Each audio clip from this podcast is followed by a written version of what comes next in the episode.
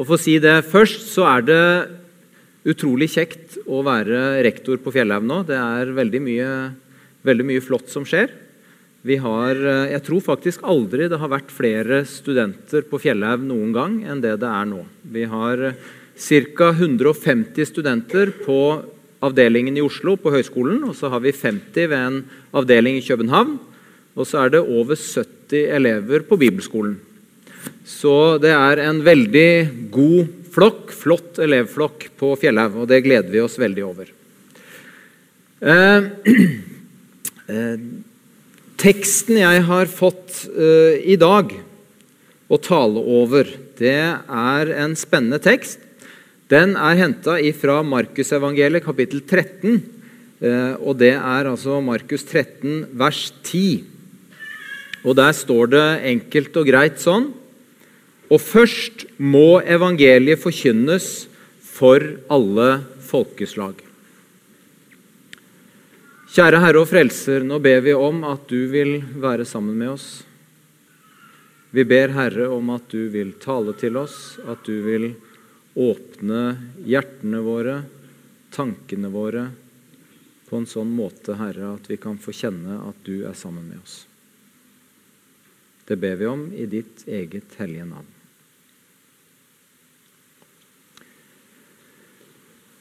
Og først må evangeliet forkynnes for alle folkeslag. Eh, dette kapittel 13 hos Markus, det er en tale der hvor Jesus taler til disiplene om sin gjenkomst når han skal komme tilbake igjen. Han taler om de siste ting. Han taler om villfarelse, om at de skal vente på han, at de må våke, at de må være rede og være klar når han kommer tilbake. Og så forbereder Jesus dem på det som skal komme. Han forbereder dem på forføl forfølgelser. De skal bli pisket i synagogene, står det i, i versene før. De skal miste liksom, det religiøse fellesskapet, tilhørigheten, som de hadde med sitt eget folk, med jødene, kastes ut av synagogene. De eh, må regne med utstøtelse, med dom, med fengsel med isolasjon, kamp, hat. Bare vær klare, sier Jesus. Dette vil komme. Dette kommer til å komme. En tjener er ikke større enn sin herre. Har de hatet meg, vil de også hate dere.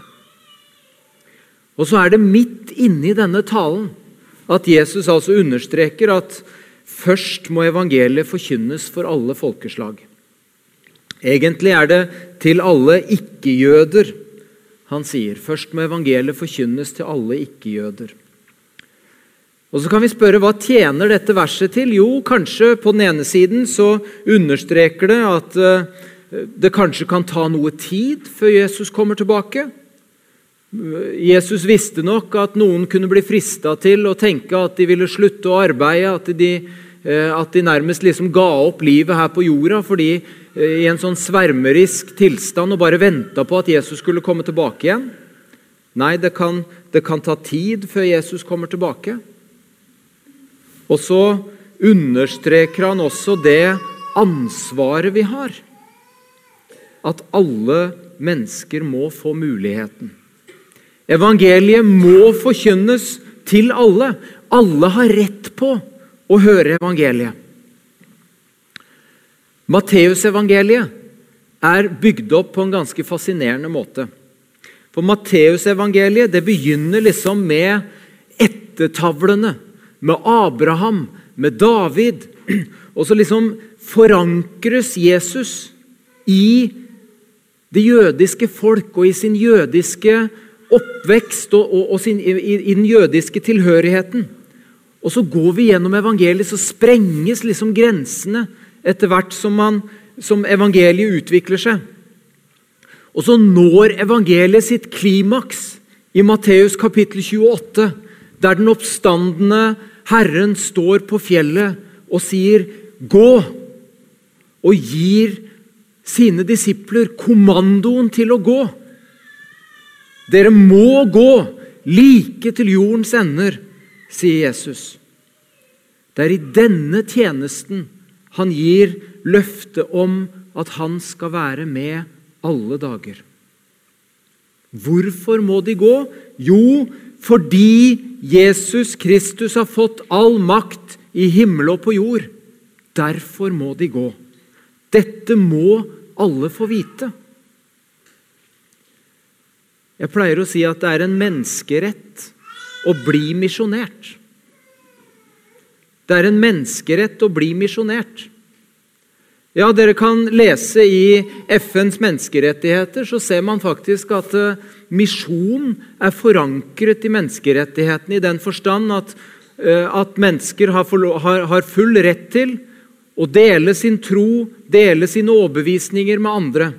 Men ikke bare det. Alle mennesker ifølge menneskerettighetene har en rettighet til å tilegne seg kunnskap om andres tro og andres tanker om andres politiske syn og hva det måtte være. Så det er en menneskerett å bli misjonert. Men mye mer enn det. Det er en rett som alle mennesker har, som er forankret i eller hos den allmektige Gud. Retten til å få høre evangeliet. Alle har rett til selv å ta stilling til fortellingen om Jesus og hvordan man vil stille seg til dem. Og så er det fortsatt i dag, i dag nær 7000 folkegrupper hvor det ennå ikke er noen kristne kirker. Nær 7000 folkegrupper. 25-30 av verdens befolkning regnes fortsatt som unådde som ikke har kirker i sin midte. Og det som er på sett og vis skremmende, er at antallet i verden som er unådd, vokser hele tiden. Ikke andelen av verdens befolkning, men hvis man ser på antallet mennesker, så vokser eh, altså, Så er befolkningsveksten raskere enn det vi klarer å dele evangeliet. Og så er det fortsatt sånn at 80% av de menneskene som ikke kjenner Jesus i verden 80% av de menneskene kjenner heller ingen kristne. Det er og bør være alvorlig for oss. Gå derfor ut, avsluttes Matteusevangeliet med. Kommandoen til å gå. Og Så beveger vi oss over i apostlenes gjerninger. Og der er på sett og vis denne kommandoen den er byttet ut med et indre driv til misjon. Når Ånden fyller disiplene, så tvinges disiplene ut til å krysse grensene, til å, til å nå stadig videre ut. Ingenting kan holde de tilbake. Og Kirken blir en misjonsbevegelse som sprenger alle grenser. Det indre drivet. Misjon blir Kirkens gjensvar i møte med Guds kjærlighet. Kirkens gjensvar, takken for Golgata. Og De ulike kirkesamfunnene i verden betoner på en måte misjonsforankringen litt ulikt. Og i reformert misjonstenkning så har man ofte et veldig sterkt fokus på dette med Guds ære. At Gud skal æres over hele jorden. Og at det er derfor vi driver misjon. For at Guds navn skal æres av alle mennesker over hele jorden. I en, en luthersk tenkning så er det vanligere med en litt annen vektlegging. Eh, og Der vil vi oftere høre en, en forkynnelse som, som, eh, slik som det er forankret i 2. Korinterbrev kapittel 5, vers 14, hvor det står at 'for Kristi kjærlighet tvinger oss'. For Kristi kjærlighet tvinger oss. Gud vil at alle mennesker skal bli frelst. Gud har et brennende ønske om at alle mennesker skal bli frelst. Og den kjærligheten som Gud har, den er det som tvinger oss ut, som sprenger alle grenser. Ikke først og fremst din og min kjærlighet til de unådde, til de som ikke kjenner Jesus, men Guds kjærlighet til de. Og så tjente Kristus oss, alle mennesker, med sitt eget liv. Eh, han elsket eh, og hadde dette drivet, ønsket om at alle mennesker skulle bli frelst, eh, som altså drev han på en sånn måte at han valgte å gi avkall på sitt eget og bli en tjener. Filipper, Filipperne, Paulus' brev til filipperne, kapittel 2, vers 5 og utover, så sier Paulus sånn La dette sinn være i dere, som òg var i Kristus Jesus. Han som, da han var i Guds skikkelse, ikke holdt det for et røvet bytte å være Gud lik. Smak litt på den. Jesus var i Guds skikkelse. Jesus var Gud lik. Det var hans. Han var Gud. Han var ett med Gud. Det var hans, eh, hans rett å være ett med Gud. Men han holdt det ikke for et røvet bytte å være Gud lik. Det var ikke sånn at han som, som røveren som hadde et bytte som han gikk og gjemte bort og skjulte og, og skjulte for andre, gjemte unna og vernet og voktet på. Men han, han holdt det ikke for et røvet bytte å være Gud lik, men han ga avkall på det og tok en tjeners skikkelse på seg da han kom i menneskers lignelse, og da han i sin ferd ble funnet som et menneske, fornedret han seg selv og ble lydig til døden, ja, døden på korset. Så ser vi her hvordan, hvordan Filippebrevet understreker at Jesus ved å tjene ga avkall på det å være Gud lik, valgte å bli et menneske, fornedret seg til å bli et menneske, tre inn i vår syndige verden. Og ikke bare det, men han fornedret seg like til døden, ja, til og med den forbannede døden på korset. Ingen kan bli fornedret mer enn den måten Gud fornedret seg selv av kjærlighet til oss for at mennesker skulle bli frelst. Gud var villig til å lide urett. Gud var villig til å fornedre seg selv og gi avkall på sitt eget. Han som er himmelens og jordens skaper, han velger avmakt, synd og død. Tok på seg en tjener skikkelse. Det er din Gud som tynes til siste bloddråpe på korset, til det ikke finnes krefter eller livspust tilbake. Ja, det er galskap. Det er ubegripelig for oss. Men dette sinnet er det dere skal ha, sier Paulus. Dere som kaller dere kristne. Det samme sinn som var villig til å lide urett, som var villig til å gi avkall på sitt eget, som var villig til å sette de andre foran en selv. Dette sinn skal dere også ha som setter de unåddes velvære foran deres eget. I andre kongebok, kapittel 7, i Det gamle testamentet, så står det en merkelig fortelling. Der får vi høre altså om at, eh, om at syrerne har beleiret Samaria. Og så sitter kongen i Samaria, og folket i Samaria sitter inne i byen bak bymurene Og så er fiendehæren slått seg ned utenfor. Og så sitter folket der bak, bak murene og sulter. En forferdelig hungersnød som kommer, som rammer folket der inne. Har ikke mat å spise. Så får vi høre at de, det var enorme priser for et eselhode, for å kunne spise et eselhode.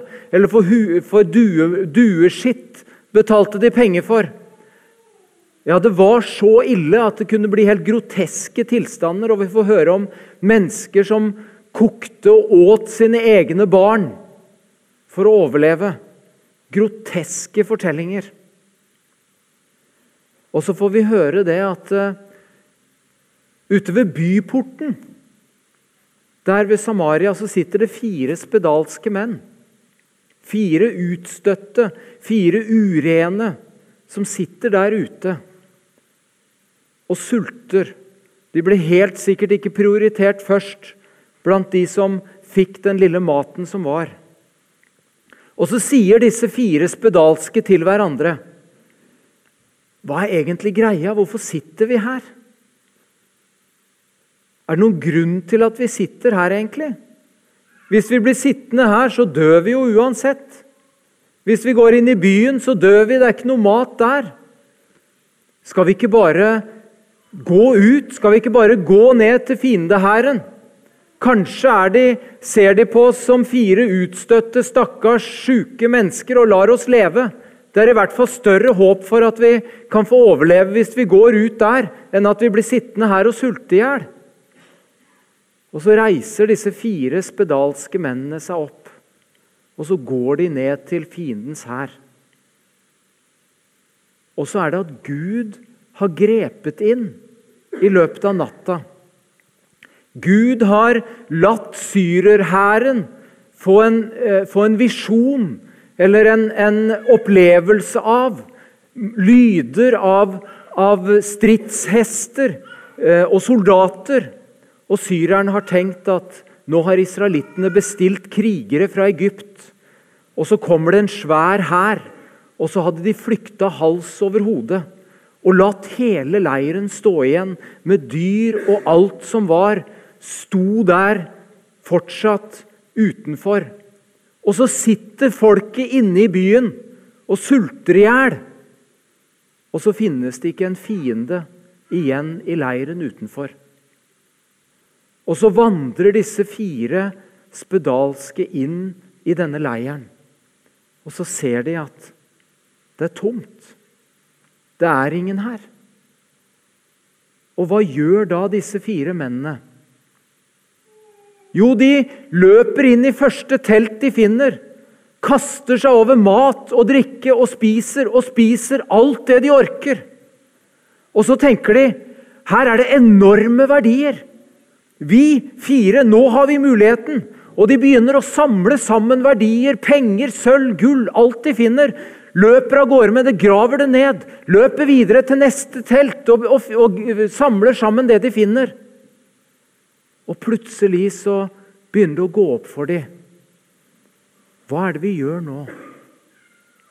Hva er det som er i ferd med å skje? Og så står det i vers 9 men så sa de til hverandre.: Det er ikke rett, det vi gjør. Dette er dagen da vi kan bringe et godt budskap. Tier vi stille og venter til morgenen gryr, så faller det skyld på oss. Det er ikke rett, det vi gjør. Dette er dagen da vi kan bringe et godt budskap. Venter vi til morgendagen, så faller det skyld på oss. Og så er dette dagen da vi også kan bringe et godt budskap. Gud har gitt oss budskapet om evig frelse i Jesus Kristus. Det faller skyld på oss om vi ikke deler det med andre. I dag er misjonstanken og misjonsforståelsen under et voldsomt press. Retten til misjon er under press utenfra, fra sekulære de sekulære omgivelsene rundt oss. Som ikke tror på at det finnes noen sannhet, og ikke aksepterer at vi tror på en sannhet som vi vil dele med andre. Det er vel og bra hvis vi tror på noe som er fint for oss, og noe som er rett for meg. Men retten til å dele det med andre er under et ganske kraftig press utenfra. Men det er også under press innenfra i den kristne kirken i Vesten. For mange sier at vi har jo store nok utfordringer her hjemme, og det er sant og rett. Eh, men det betyr ikke at vi ikke har en forpliktelse til å dele med de som aldri har hørt evangeliet. Noen vil også si at alt Kirken driver med, er misjon, så vi trenger ikke nødvendigvis fokusere på å forkynne evangeliet. Men fortellingen om Jesus er det eneste som kan frelse. Vi har et særlig kall og et særlig ansvar for at de minst nådde må få muligheten til å bli kjent med Jesus. Og det gjør de gjennom at noen vitner med sine ord om Jesus. Og så vet vi at slik verden ser ut i dag, og slik misjonsverden ser ut i dag, så krever det at noen er villig til å lide urett for Jesus skyld. At noen er villig til å bære skam, vanære og forfølgelse. Men det er noe det er verdt å ofre for, også i dag. Jeg husker for noen år tilbake i, i Sør-Etiopia. Eh, så gikk hovedveien fra hovedstaden Addis Abeba og ned til Kenya. Den gikk gjennom det området der hvor vi bodde. Asfaltveien igjennom Sør-Borana. Eh, der lå det en liten by som heter Bokoloboma. Og der i Bokoloboma var det en liten kristen forsamling med stort sett bare barn og ungdom. Og så var det En dag vi kom kjørende gjennom Bokloboma, og så så vi at det, ved av, rett ved siden av veien så var det bygd opp et lite hus med bare noen pinner og rask. Eh, og man hadde funnet noe, noe søppel, noen poser og greier som de hadde prøvd å knyte fast for å prøve å dekke dette så mye som mulig. Men det var et elendig hus, og vi kunne, alle kunne se rett igjennom det. Og det var egentlig ikke noe, noe hus å snakke om. Og Så stoppa vi og møtte disse i forsamlingen der. Og så kunne de fortelle det at eh, hun som bor i dette huset her, det er en gammel dame som tilhører forsamlingen vår. Og så fortalte de fortellingen om eh, om en ung jente som for mange mange år tilbake, på 50-tallet, hadde gått, til, eh, gått på søndagsskolen når de første misjonærene hadde kommet til Borana. Så hadde hun gått på søndagsskolen, og så hadde hun fått høre om Jesus. Og så hadde hun blitt glad i Jesus og ville bli en kristen. Ung jente. Men eh, når hun fortalte hjemme at hun hadde blitt en kristen, så tok det ikke lang tid før, uh, før faren hennes fant en muslimsk mann til henne og viet henne til en muslimsk mann.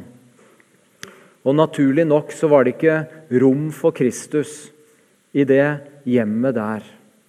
Og så hadde hun levd som en muslimsk dame gjennom hele livet. Og så var nylig ektemannen hennes gått bort. Og så hadde hun huska hva hun hadde hatt når hun var ei lita jente. Nesten blind. Og så hadde hun funnet veien til kirka. Og så hadde hun funnet igjen Jesus. Tatt imot Jesus på nytt. Men når hun kom hjem igjen og fortalte familien sin at nå hadde hun bestemt seg for at nå skulle hun være en kristen, så var det at uh, sønnene i huset sa at det, det kan vi ikke akseptere. Det er jo en stor skam for oss. Vi er muslimer. Du kan jo ikke være kristen, du, mor.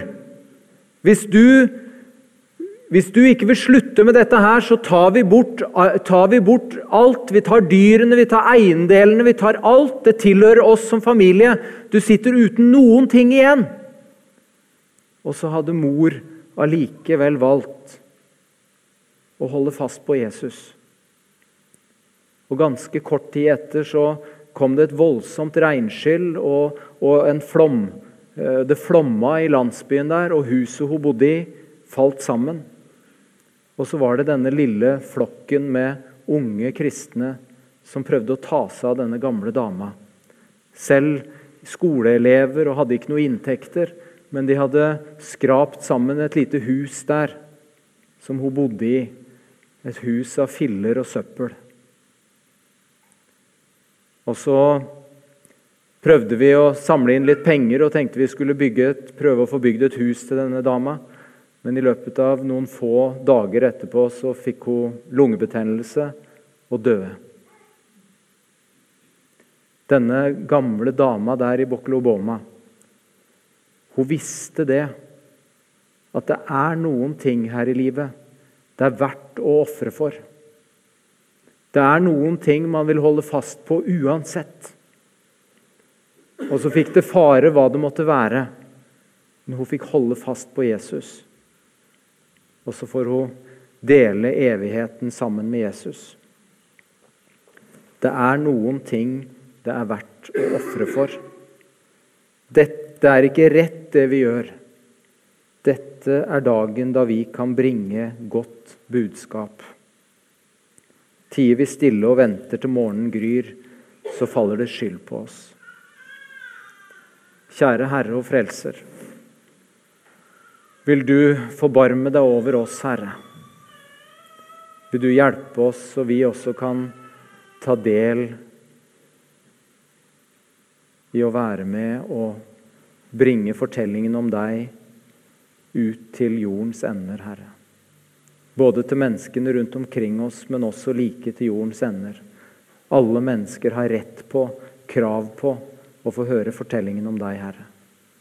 Må du bruke oss slik som du finner det rett. Og så takker vi deg, Herre, for at, du, eh, for at vi var blant de som fikk ta imot deg. At du valgte å flytte inn i våre hjerter sammen med synd og elendighet og alt det vi skjuler i hjertene våre, Herre. Så har du valgt å bo der og gjøre våre hjerter til ditt tempel. Det takker og priser vi deg for. Vi takker og priser deg for at du var villig til å tjene oss på det mest fornedrende vis at du var villig å gå like i døden for vår skyld. Takk for alle dine gode gaver imot oss, Herre. Amen.